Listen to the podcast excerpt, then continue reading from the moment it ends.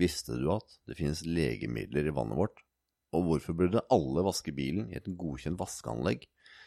Og hvilke uforutsette konsekvenser oppstår av tunnelvask?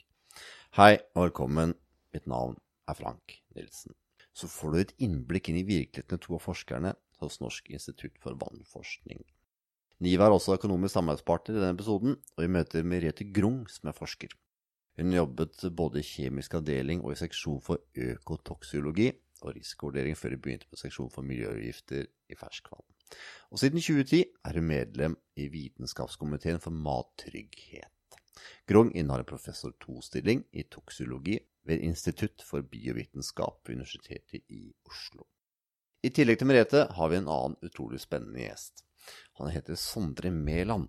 Han er seniorforsker hos NIVA og er ferskvannsbiolog og økotoksiolog fra Norges miljø- og biovitenskapelige universitet, med faglig spesialisering innen fiske- og bunndyrøkologi, samt miljøkjemi og toksiologiske effekter hos fisk. Han har siden 2012 vært ansatt som førsteamanuensis 2 på NMBU ved Fakultet for miljøvitenskap og naturforvaltning.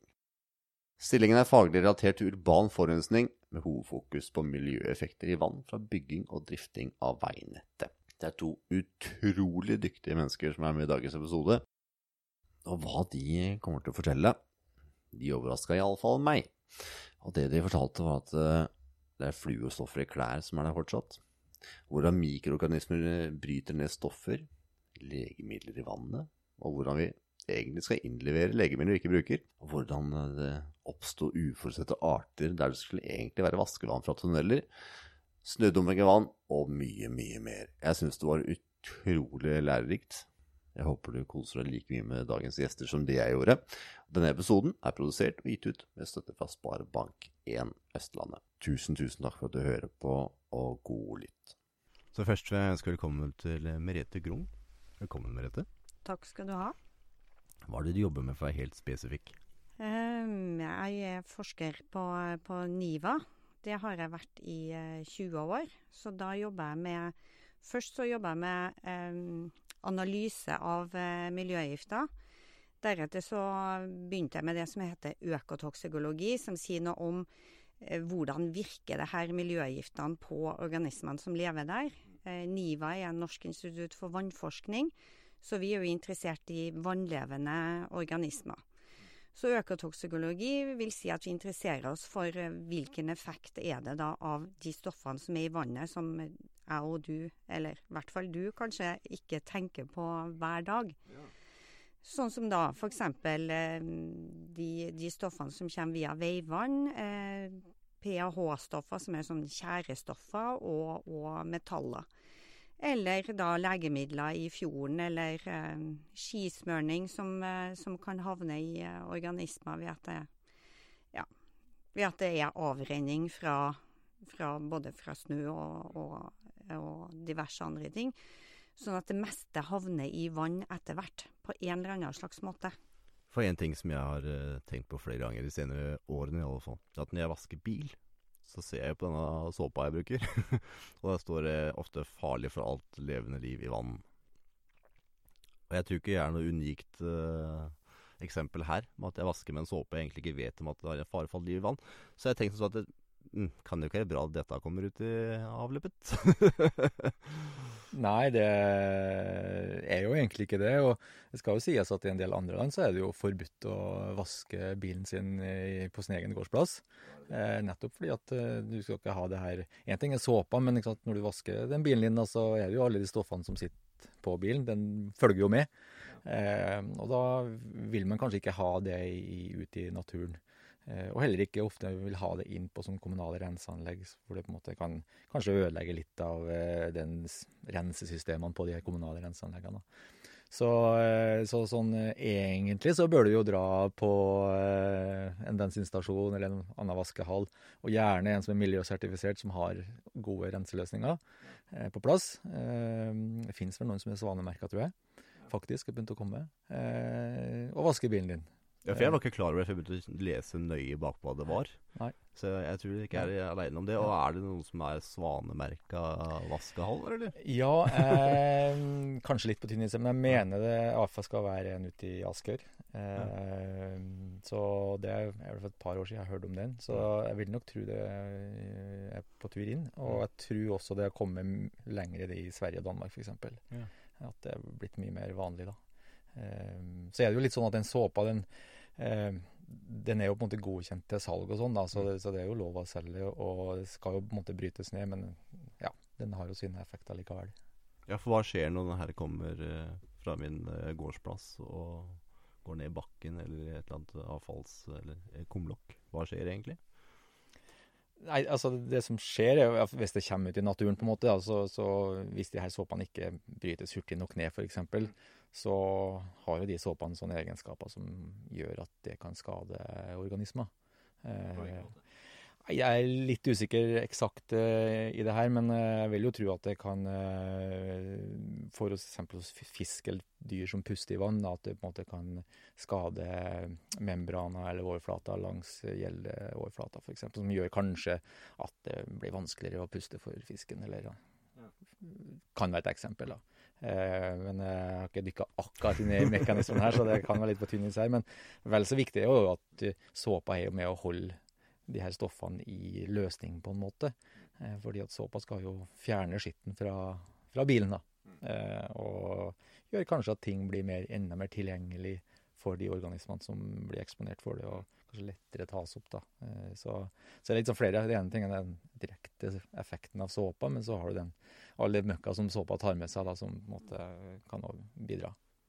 Du ser det jo hvis at du har en oljefilm på, i, i oppvasken din, og så heller Zalo oppe, så forsvinner liksom den oljefilmen fra, fra overflata.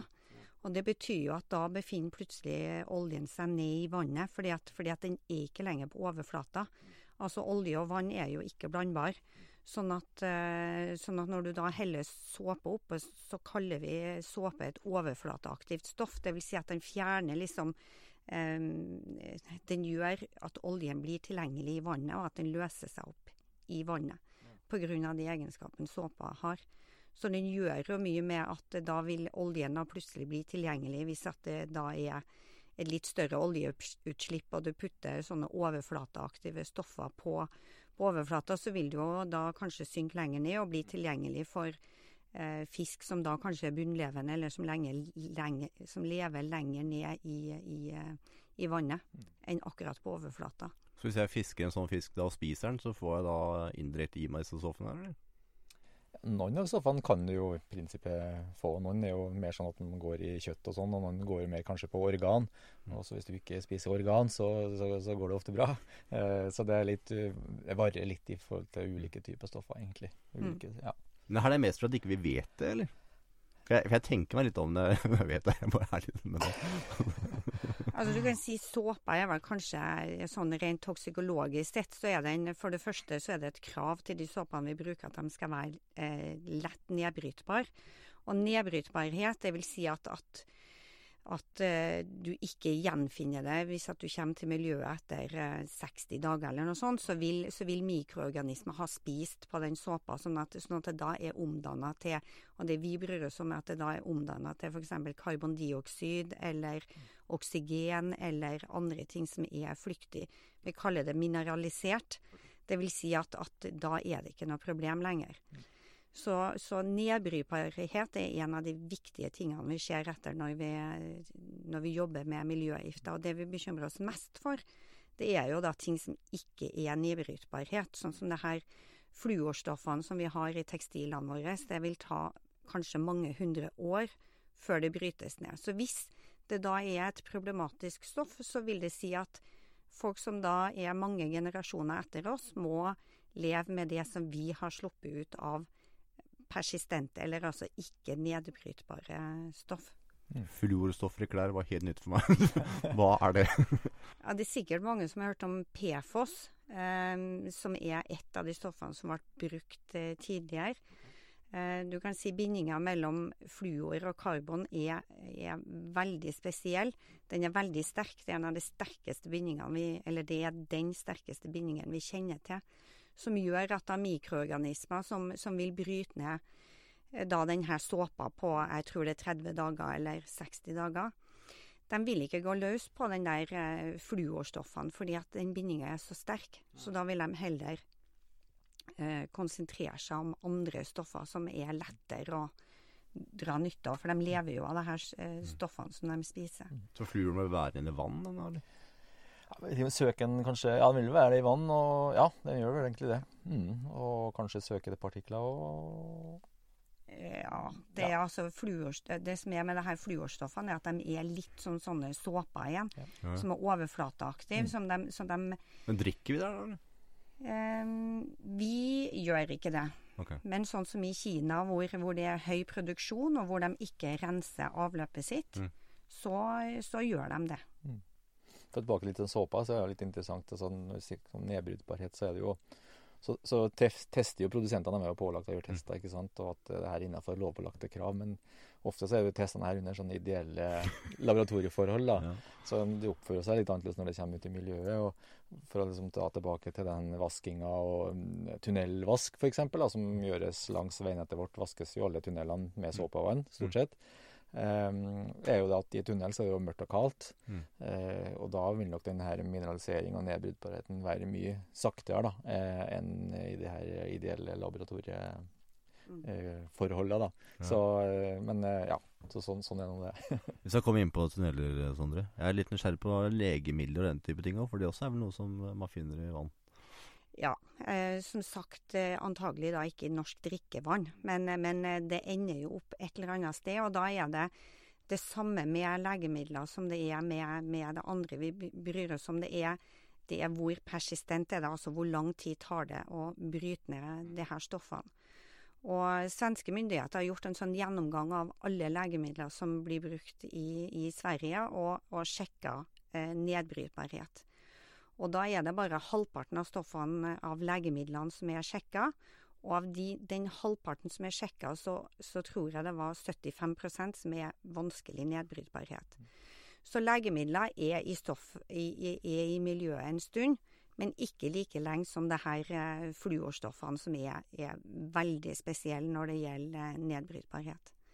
Men de, de, vil være med oss en stund, litt avhengig av eh, hvilket legemiddel man snakker om.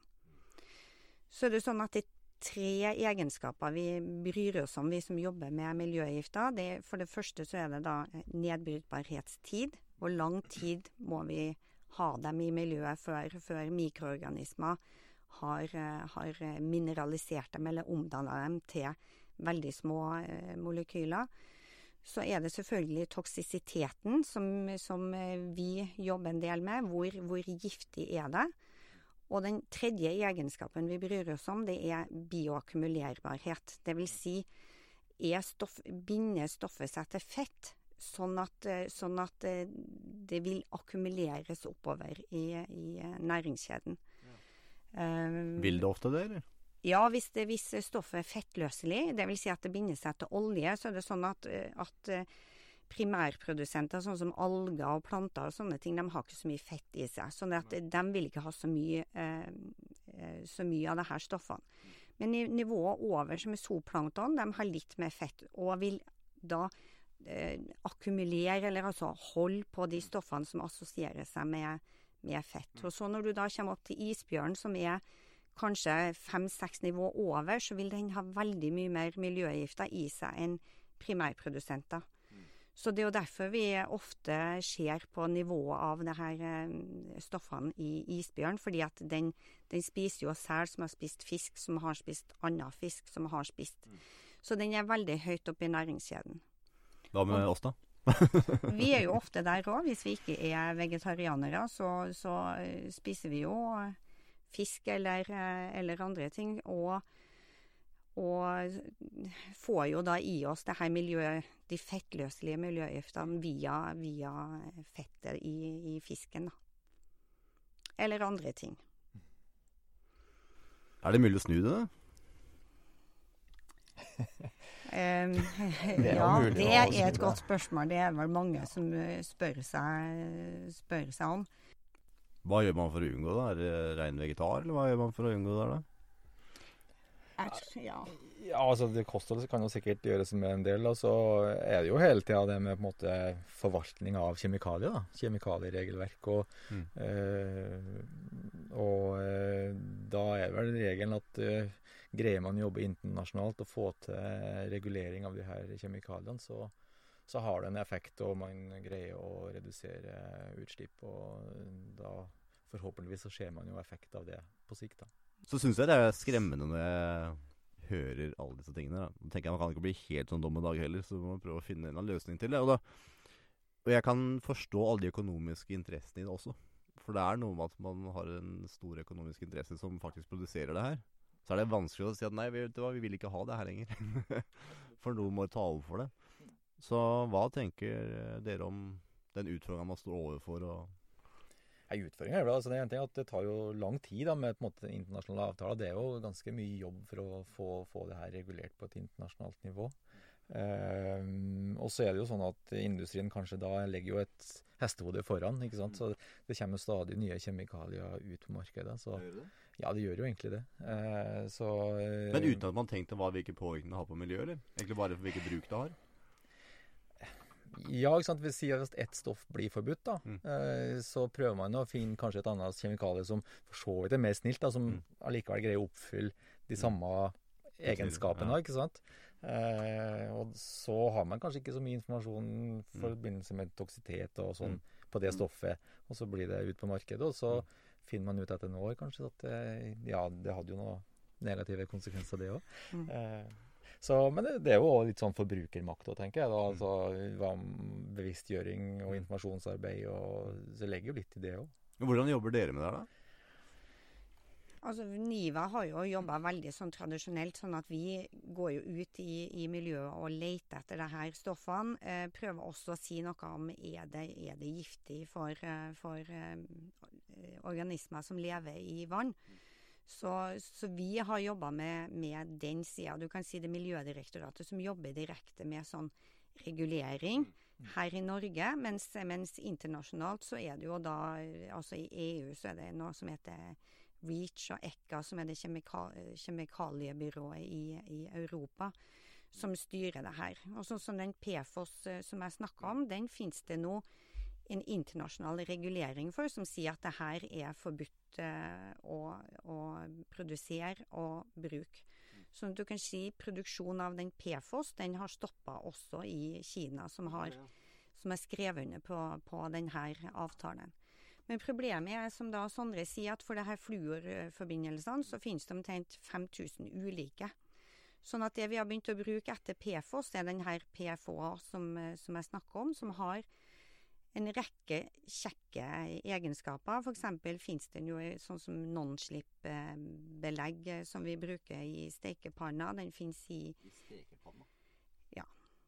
Den fantes også i matpapiret frem til for en eh, liten stund siden. Fordi at, fordi at altså, det er sånn, sånn nonslip-greier. altså det, er det, det er det som gjør det kjekt, fordi at, fordi at det er vannavstøtende.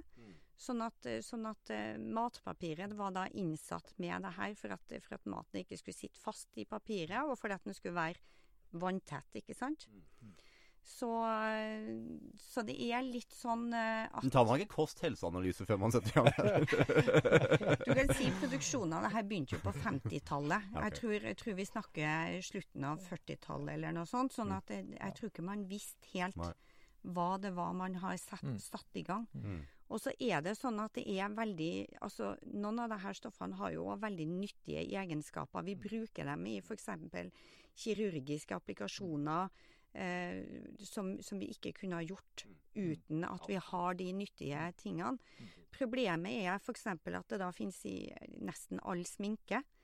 Sånn at, sånn at uh, unge jenter smører jo de her tingene rett på huden sin, og vi må anta at noe av det her passerer over i, i passere over huden, og at du, det da er et visst opptak. Men så er det vel litt sånn ikke sant, i forhold til miljøgifter. Da, så du, vi dør jo ikke som fluer rundt om her. Eh, så det jo gjør jo at det ikke er så lett å komme gjennom, kanskje, med, ikke sant? med det her Mm. skumle budskapet. Mm. Eh, så det, man blir kanskje litt lett oversett, da. Eh, Mm. problemet rundt det med kjemikalier og Mm. miljøgifter. Hvis du sammenligner med ja, klimaendringer som er veldig på dagsordenen, og hvor du på en måte veldig åpenbart du ser, du lett, Det er lett å se og observere, ikke sant? Mm. Eh, og lett å ta inn over seg. Mens eh, effekter av miljøgifter som på en måte kan kanskje ikke kommer ut før neste generasjon, Mm. eh, det er jo ikke like lett å, liksom, å bryte gjennom på, da. Vi er jo sånn vi mennesker at vi motiveres når vi har det skikkelig vondt. Ja. Det, det er jo sånn, Ja, litt sånn. og vi motiveres av ting vi ser og opplever sjøl. Ja. Og det her er et sånt budskap som at det tar liksom ganske lang tid Mm. før, eh, før man ser effekten, i hvert fall her i, i Norge. Mm. Sånne stekepanner som det ikke brenner seg ting fast i, da. Er det kanskje noe å gå over til jern igjen, eller? Det kan eh, kanskje være en Mm. idé. På, s- på, på en annen side så tror jeg ikke du får i deg så veldig mye fra den Mm. ene stekepanna du bruker. Okay.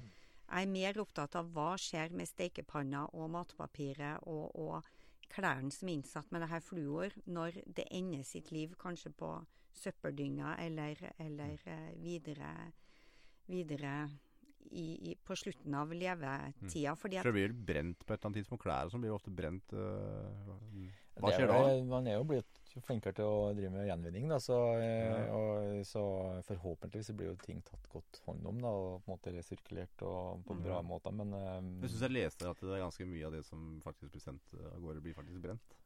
det kan godt hende at mye går til forbrenning. Ja. Ja. Ja. Hva skjer da når det er opp i lufta? Nei, Da spres det jo opp i lufta, da. det Ja, altså, havner vel ned på bakken etter hvert, kan det fordi at det vil vel regne eh, ned Ja, på så det brennes ikke bort? Liksom. Det Nei, du skal opp i veldig høye temperaturer for det her fluorstoffene. Mm. Men sånn som hvis vi går tilbake til legemidlene f.eks., så vil de, eh, de vil brytes ned fullstendig hvis at du brenner dem. Så hvis at du f.eks. har kjøpt noen noe legemidler som, som du ikke bruker, så skal du absolutt ikke hive det i, i do, men du kan levere det tilbake på, på eh, ja, apoteket der du kjøpte dem, og så vil de da brennes og gå ut av eh, kretsløpet. Det tror jeg svært få vet. I Sverige så har den vært veldig mye før oss på, på det her, og der tror jeg det er litt bedre kjent. Ja. Men det er det du som forbruker kan gjøre Mm. eh, for å redusere eh, miljøpåvirkning, i hvert fall. Av, Så apoteket tar imot legemidler de ikke bruker, altså? det gjør det. Og det som blir tatt imot, vil da forbrennes ved en høy temperatur, sånn at ja. da, da blir det ikke i eh, Da går det ikke over i miljøet. Sånn i forhold til Vi kjøper jo fiskeolje ofte den type ting. Finner man da disse miljøstoffene i de type fiskeoljer og sånn, eller? Vet at jeg kanskje ikke felte noen av dere. være nysgjerrig ut for vi snakka om fettløselige Eh, Det vil, finnes, eh, det vil finnes i oljen. Det mange gjør, f.eks. av tranprodusenter, er at de renser oljen for å ta bort eh, miljøgiftene. Så hvis du skal kjøpe olje, så pass på at du kjøper en olje som, som du da er sikker på at er rensa for det her miljøgiftene. Så eh, jeg tar tran, men den er rensa. Da antar jeg at de fleste gjør det. Eh, Sondre Mæland, hva jobber du med? Jeg jobber jo litt samme som eh, Merete, med miljøgifter og effekter på biologi og økosystem. Eh, jobber veldig mye innenfor samferdsel og forurensning fra vei og trafikk. Da. Det er Ja. som eh, der jeg hadde min, min lengste fartstid. Eh, så, så det er det jeg er opptatt av. Hva er det som er utfordringa der? Det er jo utfordringa med at eh, vei og trafikk det lager jo masse forurensning. Mm. Eh, det kommer forurensning fra selve eksosrøret, selvsagt, fra, fra bilen. Men det er jo også forurensning fra bildekket som slites, eh, Mm. bremsene som slites. Mm. eh, eh, det slites på asfalten. Eh, så, så det er jo en eh, salig Og vi har veisalt. Eh, langs enkelte veier så blir det brukt plantevernmidler.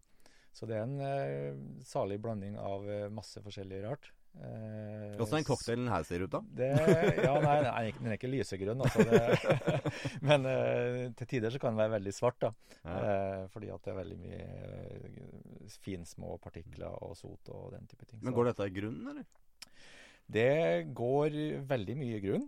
Eh, men på de større veiene så har man jo begynt å samle eh, det her avrenningsvannet, som vi kaller det. Ja. Eh, det er jo nedbør, og så regner det, og så vaskes det av. Og da er det et uh, dreneringssystem som ligger langs veien. Okay. Eh, og eh, hvis det er en veldig sånn mye trafikk på den veien, Mm. eh, type motorvei, Mm. så ledes ofte det til, til et rensebasseng, f.eks. Okay. Mm.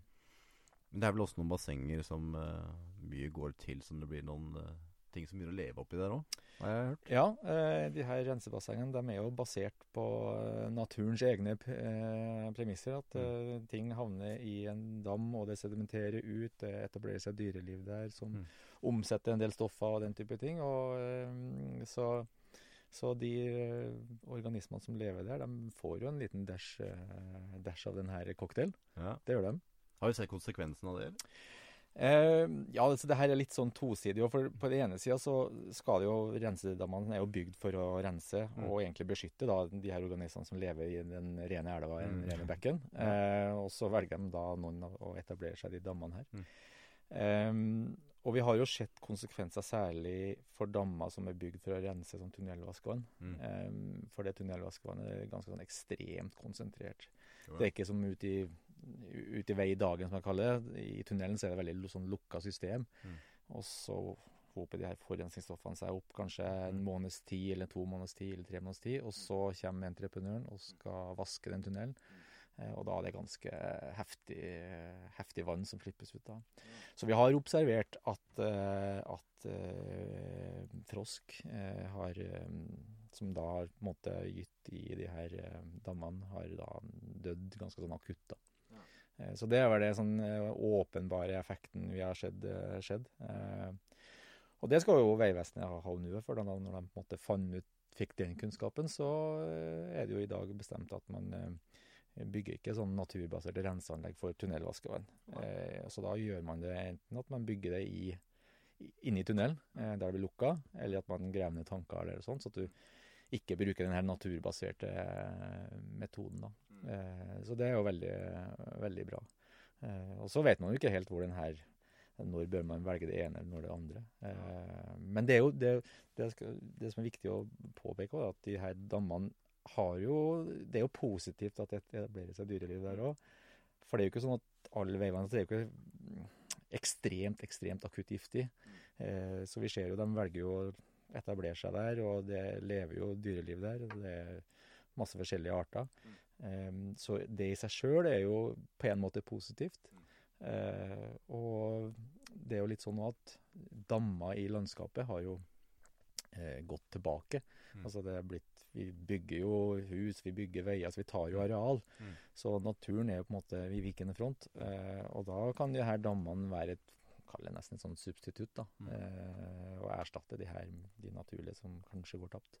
Eh, og det, i forhold til de rensedammene, da, så, Mm. Så hvis du sammenligner kanskje en rensedam med en mer naturlig dam, så vil kanskje den rensedammen ha an, litt andre arter enn den andre. Mm. Eh, og hvis du da summerer de to med antall arter, så Mm. blir det flere enn hver for seg. Mm. Og da er det på en måte en positiv greie, ikke sant? Ja. For det er et artsmangfold, eh, som da egentlig, ja, du teller antall arter. Mm. Eh, men de, de artene tåler kanskje Mm. mer forurensning enn de andre. Så, så det er ikke bare helt eh, svart-hvitt svart-hvitt her, så er det en nyanse her som er veldig spennende, egentlig. Hva har du funnet mest spennende med jobben? Altså? Jeg syns koblinga med miljøgifter og biologien, Mm. eh, hvordan det her påvirker, hvordan det påvirker økosystemet, samtidig som det er veldig sånn anvendt. Eh, samferdsel er på en måte noe som folk har veldig forhold til, eh, Mm. de fleste. Eh, Mange kjører bil iallfall. Mm.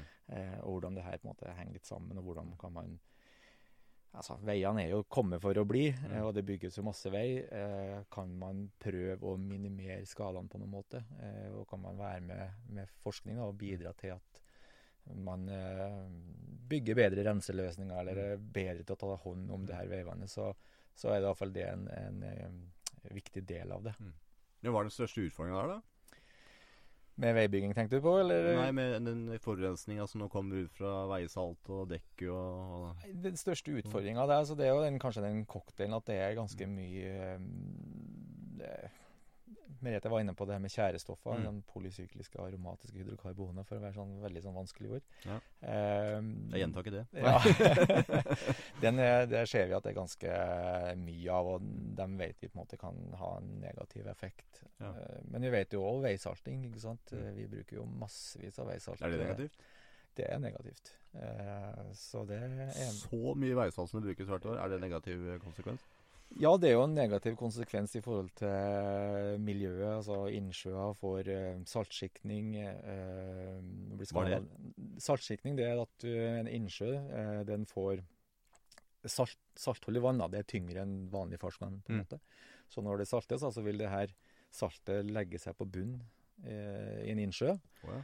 Eh, og så eh, blir det værende der. Eh, og så normalt altså skal en innsjø sirkulere to ganger i året, når er på vår og høst. Og da får du oksygenrikt vann ned til de her bunndyrene som lever på bunnen. Men når du får det her saltholdige bunnvannet, da, så greier ikke innsjøen å på en måte røre om. Så da blir det værende eh, det salte vannet der, og da forsvinner oksygenet til slutt. Og da er det jo ikke noe liv eh, for organismer Det er ikke noe plass for organismer å være der. Så det er jo en åpenbar effekt av, av Men hvor lang tid tar det for at man får den type salt i en innsjø til det er dødt? Nei, altså, Vegvesenet har jo gjort mange overvåkningsprogram og prøver å følge med på en del innsjøer som ligger nære vei. da. Eh, så eh, det kan nok ganske, gå ganske fort. Eh, Det kommer jo hvor eksponert og hvor Mm. mye salt som havner uti der. så klart. Så eh, er det en ikke altfor stor innsjø, så kan det jo skje ganske kjapt egentlig at man ser en økning i avfall. da. Mm. Det er skremmende da. Det er jo det. Kan ikke si noe annet. Det er litt sånn skremmende, litt sånn deprimerende, den delen av jobben. Men her er jo, her er jo en sånn typisk eh, målkonflikt, da, ikke sant? Mm. Fordi at vi bruker jo veisalt fordi at vi ønsker å få ned trafikkdrepte. Ikke sant? Så det her, da har, som har du den helse-menneske-aspektet på den sida, så har du jo da miljøsida på den andre sida. Så, Mm. så det er viktig å prøve å balansere det her, da. Eh, Jeg tror ikke veldig ofte det går på mangel på informasjon om det, eller? For det jeg har registrert mange ganger hvis det har vært noen år det har vært ekstremt mye snø. Så ser man til slutt at man må dumpe det vekk en plass for at det ikke er plass. og da forsvinner det ofte i vann. Og da kan man tenke seg alt det som ligger i den snøen man dumper i det vannet. da. Mest sannsynlig er ikke det mest heldige. Nei, så der vil jo, Det kommer jo an igjen av hvor du henter den snøen. da. Eh, er det fra veldig trafikkerte gater og har vært en gammel snø, så da ligger det masse forurensning i den snøen. da. Eh, og man bør jo definitivt ikke dumpe det eh, ut, ut i vann. Jeg tror ikke mange ville tenkt sånn hvis de var mer klar over det. Jeg tror ikke de, mange tenker over hva det egentlig er konsekvensen av mange ting man gjør. For man tenker at ja, snøen den kan jo bli være farlig. Det er snø. Jeg har jo spist den da jeg var liten. Det er, jo ikke farlig. Ellers så er det jo såpa som snakka mest i stad. Såpe bruker jeg, har den på hendene. Det er jo ikke farlig det hele. Så tenker jeg, ja, det kan det ikke være så farlig. Jeg tror ikke det er mangel på egentlig kunnskapen rundt det. da. I mange tilfeller. Jo, det er nok sikkert mye eh, mangel på informasjon og kunnskap, men det, det er jo mye vi skal kan, da. Ja. så, så det er jo liksom hvor, hvor mye greier vi å absorbere. Og så har vi jo I Norge så har vi jo ganske stor tiltro da, på en måte til forvaltning og på en måte at uh, det er et trygt land å bo i Norge, liksom. Eh, at eh, det er noen andre som fikser det og tar hånd om det. Er det, lov, er det produktet her lov på markedet? Ja, så tenker vi litt at ja, men da er det jo trygt. Mm. Eh, så vi har jo veldig tiltro eh, Til som myndighetene. til myndighetene mm. i samfunnet. Ja. Mm. Eh, så ja, Hva tenker dere i NIVA om det, da? jeg syns jo det er bra at de har tiltro til, til myndighetene i samfunnet. Ja. Men jeg, jeg tror jo man kunne sikkert vært enda bedre på informasjon Mm. for å spre kunnskap. Bevisstgjøring. Ja. Det tror jeg. Jeg personlig syns det veldig ofte butter på kunnskap og bevisstgjøring. For veldig ofte så er det noen fagpersoner som er utrolig dyktige, sånn som dere er på, på det dere kan. Mm. Men så spør man personen som sitter kanskje ut, eh, skal bestemme mye av det her, da. Mm. Så kanskje ikke all den kunnskapen har kommet med. Og Nei. man ut fra brukeren så har den i alle fall ikke kommet med. Så vi har nok eh, kunnskapen altså hver enkelt der, Mm. at den når ut. Jeg tror det er kanskje utfordringa sitter veldig ofte. Og så er det igjen kanskje det at du hele tida skal veie så masse forskjellige ting for og mot hverandre. ikke sant? De skal beslutte. Vi Ja. kan jo stå med vår fane og kjempe for miljøet, Ja. vi. Ja. Uh, men så skal de også veie noen andre hensyn. Så det, Mm. så det, er, det er jo komplisert. Uh, det er ikke lett. Og miljøet blir vel ofte taperen, har ikke? Før i alle fall. Nå har det jo litt sånn fokus på mange systemer. Ja, miljøet kan jo være ofte taper noe av det, altså. Ja. Ja, det er jo det. Men vi har jo òg forbedra mange ting. Jeg tenker på sånn som eh, aluminiumsindustrien som vi har hatt her i Norge. Mm. Det var jo eh, ganske store utslipp av det her tjærestoffene det er snakk om fra det her eh, fabrikkene som da er plassert der hvor det er mye tilgang på billig energi i form av vannkraft. Eh, og det har, det har vært eh, tatt opp av Miljødirektoratet, og det har de blitt veldig mye bedre på. Både å rense og bruke mindre forurensende teknologi. Så vi har jo noen sånne miljøseiere òg, som, som viser at bare vi, bare vi vil nok, så får vi det til. Eh, sånn som det der aluminiumsindustrien er et eksempel. Opprensing av Mjøsa i, i Mjøsaksjonen, jeg tror det var på 70- eller 80-tallet så var jo Mjøsa veldig eh, overgjødsla. Eh, det, har vi fått, eh, det har vi fått bukt med, og, og det her eh, ozonlaget har vi jo òg klart å redde i land, sånn at, sånn at bare vi setter inn nok ressurser på det, og, og som du sier da, vet hva vi skal gjøre, eller hva det er som er problemet, så tror jeg at, eh, at eh, vi kan, hvis vi vil og må. Tilbake Så- til det med en bil, altså var jo bly i bensin før. Ja. Eh, så det er jo også poeng. en veldig åpenbar effekt. Så du, når du målte miljøprøver fra vei før, eh, fra før ja, når kom det forbudet, eh, 90, 90 ja, slutten av 90- eller 2000-tallet, jeg husker helt, men eh, da gikk jo de her konsentrasjonene av bly i miljøprøver fra vei ned. Så det, så det, det er jo noen gode historier der òg. Heldigvis. Ja. Og så er jeg nysgjerrig på det med plantene, plantevernmidler og den type ting. Vært noe borti det, Nadre? Jeg har ikke vært veldig konkret eh, borti det, annet enn i, i veisammenheng, eh, hvor man egentlig har forbud mot å bruke plantevernmidler. Eh, men, og man skal egentlig bruke mekanisk eh, slåing, da, med sånn, du har kanskje kjørt langs veien og sett at det kommer slåmaskiner og sånn. Men av og til så er det litt vanskelig å komme til med maskinene hvis de er for store, og da er det åpninger for eh, bruk av plantevernmidler. Da. Så, eh, men der har jo regelverket kommet med litt strengere krav for ikke så mange år siden. Blant annet hvor nære drikkevann du kan eh, bruke de her midlene og sånt. Eller ikke bare drikkevann, eh, generelt ferskvann eller vann. Eh, Så det, så det er- på dagsordenen, og det blir strengere, og, så, så det er bra. Da går det opp på legemidler. Hva er det du syns er viktig på legemidler som Jeg tror jeg har sagt det meste. Det, det vi må tenke over at altså legemidler er jo veldig nyttig for oss mennesker. Det har en rekke gode, gode egenskaper. Egenskaper som vi drar nytte av. Vi lever lenger og vi lever bedre. Men når det gjelder eh, organismer som lever i vann eller dyr generelt, så kan disse legemidlene ha en litt annen virkning enn det har på oss. Sånn at uh, f.eks. Uh, nedstrøm sånn eh, avløpsrenseanlegg i Storbritannia, så er det f.eks. funnet fisk som er påvirka av, av eh, hormoner som, eh, som eh, både som blir brukt, og som vi, vi produserer, og som vi kvitter oss med gjennom urin. Og da har, da har man sett at fisk har blitt tvekjønna, så de kan ikke bestemme seg for om Eller de Ja. Og det blir flere hunder, sånn at, sånn at det er en effekt. Det kan også ha en sånn utilfekt, utilsikta effekt. F.eks. i India og Pakistan så, så brukte man eh, noe som heter diklofenak, som jeg ikke husker akkurat på hva, hva gjør nå. Men i hvert fall brukte de det for å behandle kveg. Altså kyr. Og så eh, spiser man jo ikke kyrne i, i India. Eh, så de blir jo liggende rundt omkring og blir spist av gribbene. Og gribbene tåler det her diklofenaken eh, veldig mye mindre enn det vi gjør. Sånn at det som skjedde var at nyrene ble, eh, de fikk en nyreskade som gjorde at eh, gribbepopulasjonen i eh, India og Pakistan eh, sank med, med 95 pro- eller 95 Det var nesten utrydda. Så det man gjorde da, var at man skjønte etter hvert at det var eh, diklofenak som var ansvarlig for det her, og, og forbudte og erstatta behandling av eh, kveg med et annet legemiddel som, som gjør at det er tegn til at eh, populasjonen er på vei opp. Men, eh, men det, er, det, er, det er mange andre Altså det er veldig mye større biodiversitet i vann, sånn at vi vet ikke så mye om hvilke effekter det har på vann. Vet, i organismer som lever i vann. Vi vet ganske mye om hvordan det virker på oss mennesker. Det har vi jo testa ut før, før man plasserer det her på, på markedet. Sånn at, eh, sånn at det er en av de tingene eh, vi må tenke på når, når vi lager legemidler. Det som, det som kanskje heller ikke er så kjent, er at hvis at du vil undersøke hvordan det legemiddelet du tar påvirker miljøet, så, så kan man gjøre det via det som heter Felleskatalogen, som er en sånn beskrivelse av alle legemidlene vi bruker i Norge. Den finner du på, på nett. Ok. Eh, felleskatalogen.no. Eh, der vil det stå en opplysning om eh, miljøegenskapene til alle legemidler som brukes i Norge. Ja.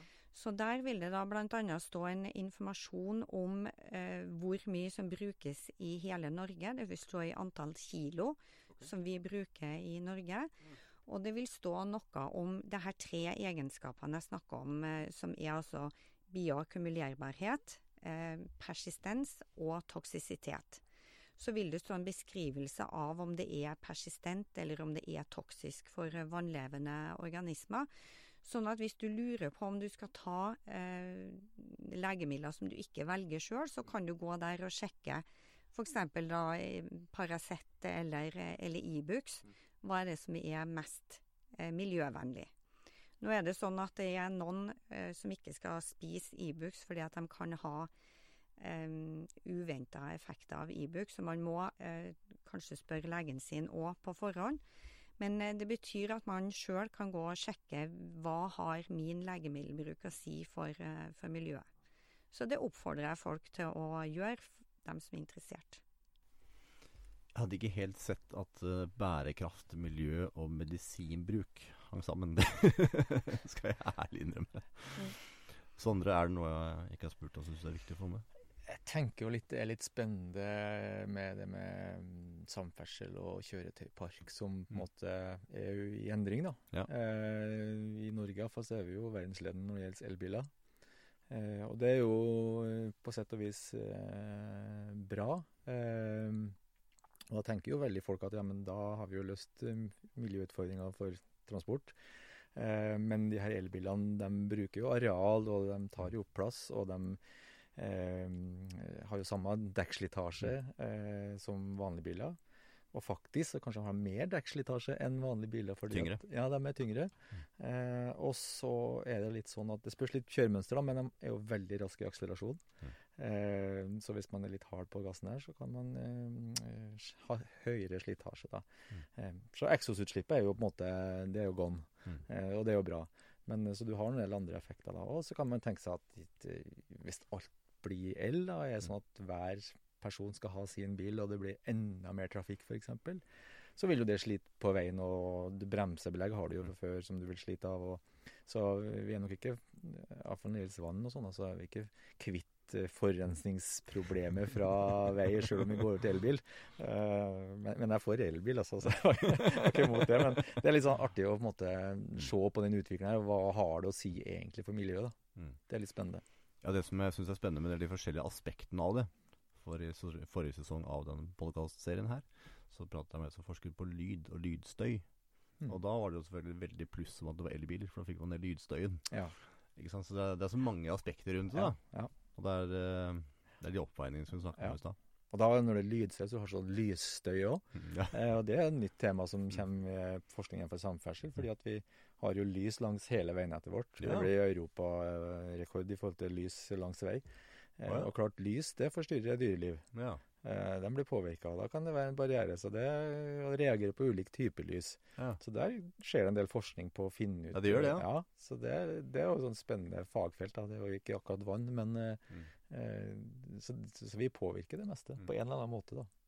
Og det med vann er jo veldig spennende, samtidig som jeg tror vi tar det litt for gitt. Vi ser liksom vann overalt. Så Ja. tenker vi ikke på at uh, Mm. først er det svært lite av det som er drikkbart. Ja. som ikke vi kan drikke. Ja. Og for det andre så er det lever ting i det vannet òg. Og det er jo litt spennende, for hvis du tenker i de her byene nå, så er det jo veldig fokus på det med overvannshåndtering. Altså vi Mm. har klimaendringer, Mm. og det er jo en kjensgjerning at eh, de rørene vi har gravd i bakken eh, for noen år tilbake, som skal håndtere alt det overvannet. Ja. Det har jo ikke kapasitet. Nei. Og man har funnet at det er ikke bærekraftig. Mm. Eh, så igjen da, så har man begynt å ty til den her mer naturbaserte løsningene for å Mm. Løfte vannet opp og frem i dagens lys. Og man bygger rensedammer, man bygger dammer, man bygger våtmarksfilter, man bygger regnbed i Oslo og i andre byer for å på en måte takle det her overvannet mye bedre. Og da vil jo for så vidt rense en del av de forurensningene. Så, Mm. så det er veldig spennende ting som skjer i byene eh, på det med overvannshåndtering. Eh, så ja, Det er superspennende. veldig spennende. Hvor er vi kan uh, følge hver av deres forskning på? Og hva dere driver med? Det legges jo ofte ut eh, nyhetssaker på niva.no. Mm. Eh, Eller så prøver vi å publisere eh, artikler, men det er jo ikke like lett tilgjengelig. Og så hender seg vi ordner saker på forskning.no. Og så er vi jo, prøver vi å bruke Facebook og LinkedIn. Eh, så det går an å prøve å finne forskninga som vi gjør på Niva. Tusen takk, Sondre, og tusen takk, Merete. Det var utrolig interessant. Og så ønsker jeg lykke til med verdens satsingsområde. deres Takk skal du ha. Ha det bra. Ha det bra.